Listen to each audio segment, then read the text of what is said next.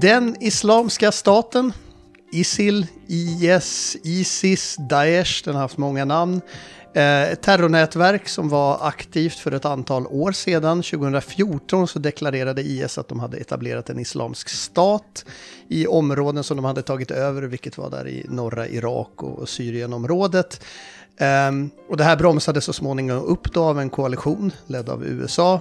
Och 2019 ansåg man väl i princip att nätverket var slut. Men nu pratar vi om IS igen av, av, lite olika anledningar. Frågan är varför. Det här är vad vi ska prata om i nyhetspodden idag med mig Thomas Selén. Och till min hjälp har jag med mig Viktor Heikel här från Svenska Yles utrikesredaktion. Hej Viktor! Hej!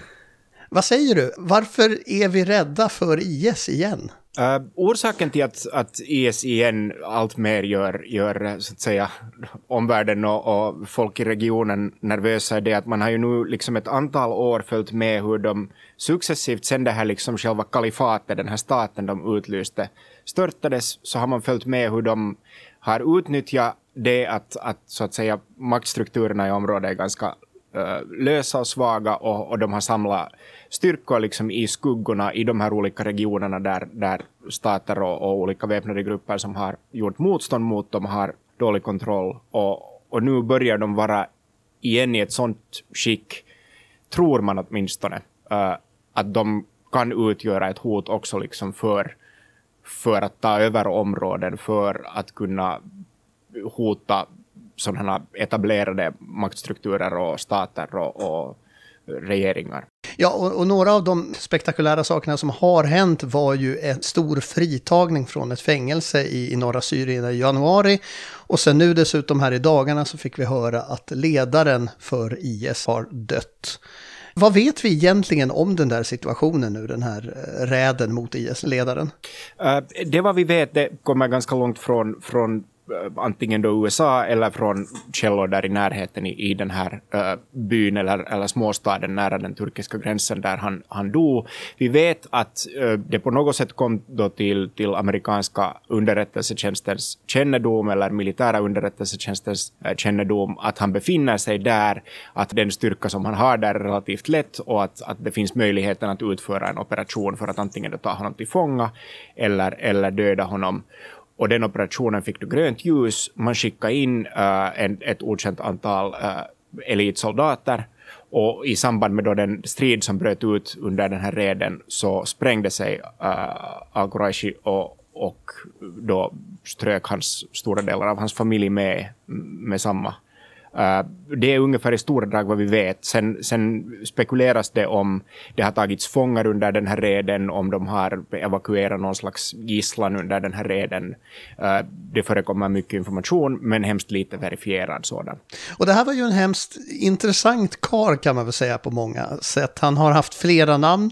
Eh, det, det som du har nämnt här är ett. Vi har även haft honom i, i liksom formen som Haji Abdullah. Eh, Al-Mavla är ett annat namn som han har liksom gått vid. Och eh, överhuvudtaget en väldigt spännande kar. Vad, vad är det här egentligen för människa. Det är hemskt lite man egentligen vet om honom. Man vet att han har suttit i fängelse samtidigt uh, i, i, Irak efter invasionen av Irak som eh, uh, IS första ledare då al-Baghdadi uh, och att de troligen då åtminstone is, samtidigt har blivit radikaliserade under den här fångenskapen och ganska snabbt efter fångenskapen då har anslutit sig till det som då hette Islamiska staten i Irak. Uh, efter det så har han varit ganska långt en doldis, men tydligen en doldis med stort inflytande inom de här olika terrororganisationerna som sen utvecklades till IS. Och, och han uh, anses vara en av de så att säga mest brutala löjtnanterna Bagdadi hade och, och en av gruppens mest brutala ledare. Uh, han är arkitekt sägs det för till exempel det som, som sen nu för tiden kallas äh, folkmordet på yazidier, det vill säga den här kurdiska minoriteten i, i norra Irak, där det ingick äh, massmord, det ingick systematiska våldtäkter, slaveri, äh, de mest brutala formerna av, av liksom krigsföring mot civila man kan tänka sig. Och, och, han har också haft stort ansvar för att upprätthålla de här internationella kontakterna från, från Syrien och Irak till dels då liksom de olika undergrupperna på olika håll i världen, i, i västra Afrika, i Sahelområdet, i Afghanistan och också till olika terrorceller i Europa. Så han har haft mycket inflytande, han har haft mycket makt och, och därför var han säkert också ett, ett relativt säkert val uh, som efterträdare till Bagdadi, men han har också varit på ett helt annat sätt uh, en doldis än vad Bagdadi var. Han har i stort sett aldrig hörts och aldrig setts sen han, sen han blev vald till ledare eller gjorde sig själv till ledare. Vi vet inte exakt hur den processen har sett ut. Men vad spelar det nu då för roll att han är död om han ännu inte haft en sån framträdande roll på det sättet? Med tanke på att han beskrivs som en, en skicklig organisatör och, och, strateg eh, så har det helt klart haft en betydelse för liksom, IS operationer och den, den, det sätt de har lyckats samla, samla krafter uh, de senaste åren. Och uh, en sån här process när man måste så att säga välja en ny ledare, börja återuppbygga de här strukturerna enligt, enligt det nya ledarskapet, uh, så kommer såklart att göra saker och ting lite svårare för IS. Och det finns också en möjlighet att om det är så att han har haft en hemskt, hemskt stark ledars, ledarskapsroll, att det blir inre stridigheter som sen i sin tur försvagar organisationen. Det finns de här möjligheterna, men det kan också leda sen till en situation, och det har vi sett, sett med tidigare terrorgrupper, att när man tar bort en ledare och det blir inre stridigheter så alltså gör det också de här grupperna eh, farligare för omgivningen för att de vill genom spektakulära dåd, genom, genom att orsaka kaos och, och terror eh, befästa liksom sin roll som den sanna så att säga efterträdaren till den här, den här liksom dödade ledaren. Men jag tror att åtminstone på kort sikt så kan det ha liksom så att säga skapat lite kaos i IS led, åtminstone vad gäller liksom deras verksamhet i Syrien och Irak. Och det var ju ett IS som i princip var under belägring egentligen sedan 2019, sedan al-Baghdadi i princip försvann. Den här frågan som jag ställde i början, varför vi ska vara rädda för IS idag, vad, vad är det egentligen för IS vi har kvar i dagsläget nu? Hur lever den här terrororganisationen just nu? Ja, delvis så har vi ju då den här så att säga kärnorganisationen i Syrien och Irak och de, de har fortfarande ganska stort rörelseutrymme. Det är en organisation som enligt vissa uppskattningar har eh, långt över 10 000 uh, aktiva liksom, krigare till sitt förfogande. Antingen är de uh, liksom göm, gömmer sig och väntar på order eller sen håller de på med de här eh, attackerna. Vi har sett mot olika myndigheter och väpnade grupper som står emot dem för att så att säga försöka försvaga känslan av, av liksom kontroll i de här områdena och, och kunna sen om det uppstår en, en möjlighet att, att så att säga återuppstå som, som någon slags stat kunna ta, ta tillvara på, på den situationen.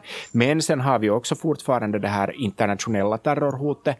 Utöver det så har man ju sen också de här liksom de olika provinserna för Islamiska staten som de kallas, det vill säga de här grupperna på olika håll i världen. Vi har äh, Khorasan i, i Afghanistan, vi har åtminstone tre olika grupper i västra Afrika och Sahelområdet, vi har IS på Sina i Egypten och så vidare och så vidare. Och de här grupperna agerar ju liksom i princip helt självständigt äh, i sin krigföring. Uh, mm. Men sen har de liksom en, en så att säga central PR-byrå i, i liksom under centrala IS där, där man strider under samma flagga och man utnyttjar varandras segrar och varandras uh, den uppmärksamhet den ena gruppen får mm. utnyttjas av alla grupper för rekrytering och så vidare.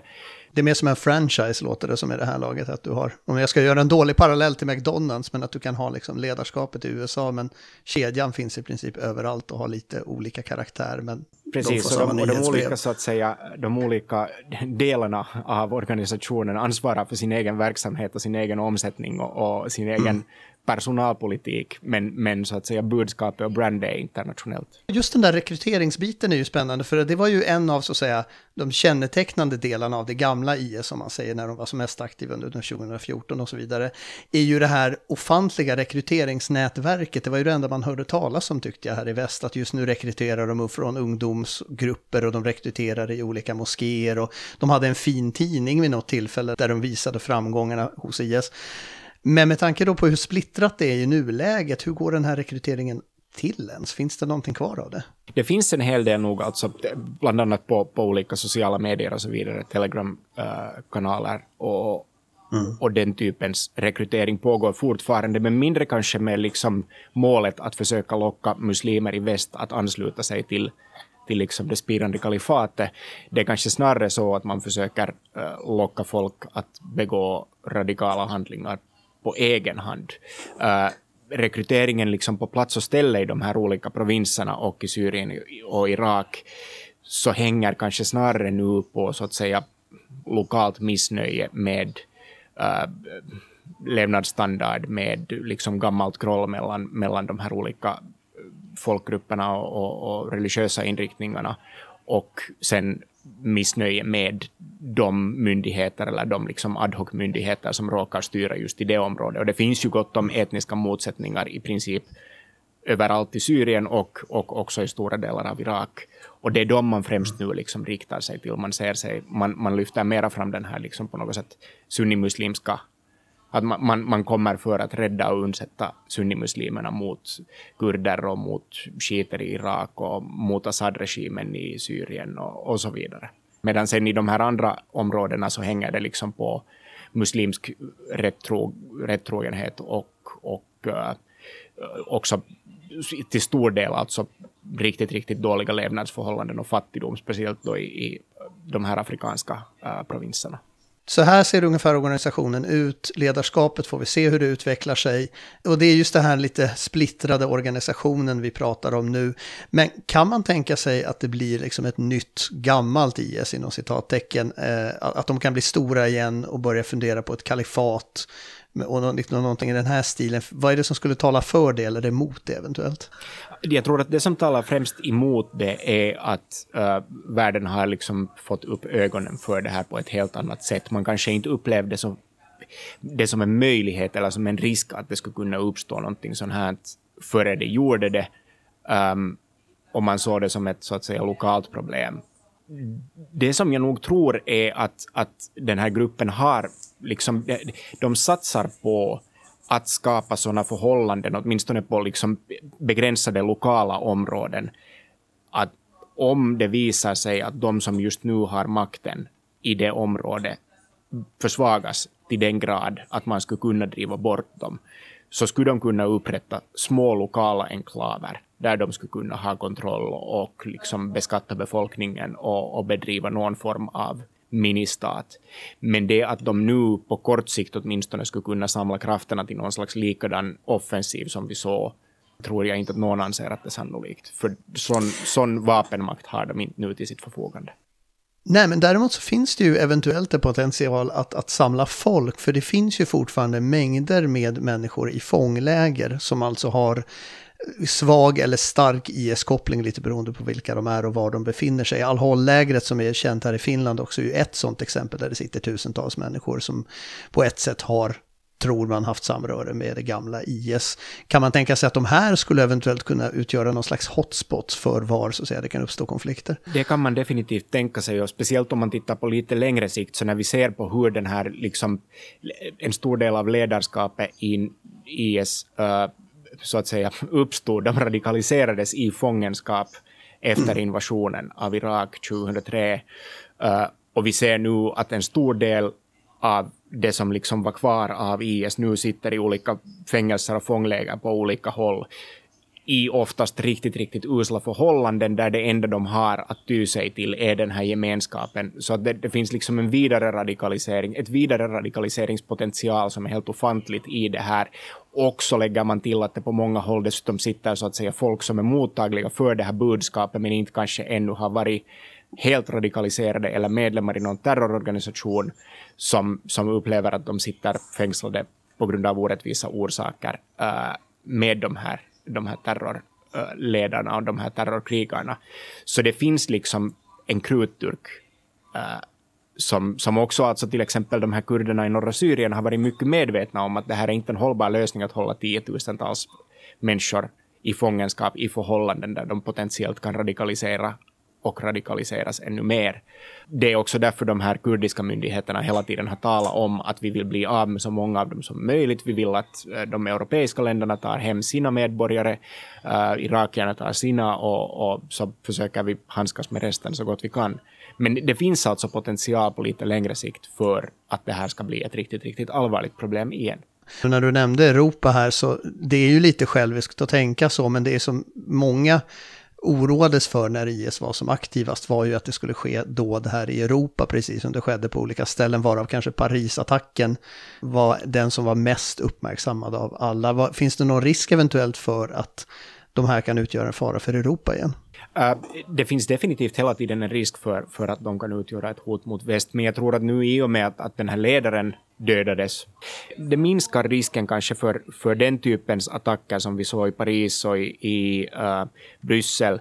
Däremot så kan det ju nog alltså öka risken för att folk som har radikaliserats på eget håll vill utföra någon slags hämnd hämndaktioner mm. på mindre skala. Så det liksom både, både ökar risken för, för den typens attacker men kanske då minskar risken för sådana stora spektakulära dåd som kräver pengar och organisation och, och kontakter och vapensmuggling och det ena och det andra. Tack till dig Viktor Heikel för att du var med i Nyhetspodden. Tack. Du har lyssnat på Nyhetspodden. Jag heter Thomas Selén. Producent var Ami Lassila. Tekniken stod Sato Olmanen för. Och som vanligt, fortsätt gärna lyssna på oss i framtiden också.